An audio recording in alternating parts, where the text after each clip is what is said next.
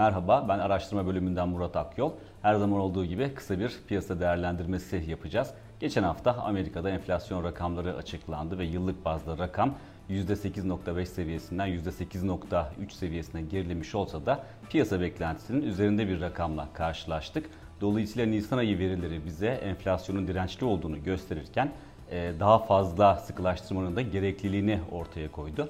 Bu açıdan bakıldığında verinin ardından piyasalarda hareketliliğin ve baskının belirgin şekilde artış gösterdiğini görüyoruz.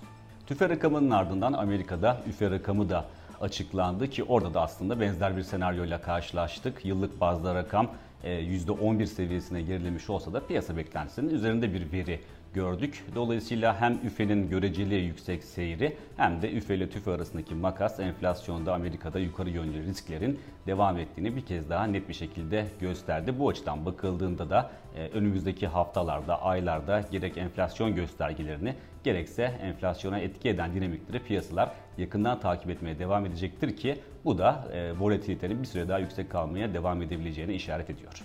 Fed'e ilişkin beklentilere değinmek gerekirse Fed'in önümüzdeki iki toplantıda faiz oranlarında 50'şer bas puanlık artırımlar yapması bekleniyor. Piyasalar açısından baktığımızda ise bu durum özellikle ekonomik aktivitenin ve büyümenin nasıl etkileneceği bakımından e, piyasalar için önemli olacaktır. Dolayısıyla e, Fed'den faiz artırım artırımlarının beklendiği bir dönemde e, resesyon ihtimali de sıklıkla dile getiriliyor. Ancak piyasaların şu anda bir resesyon fiyatlaması içinde olduğunu söylemek zor.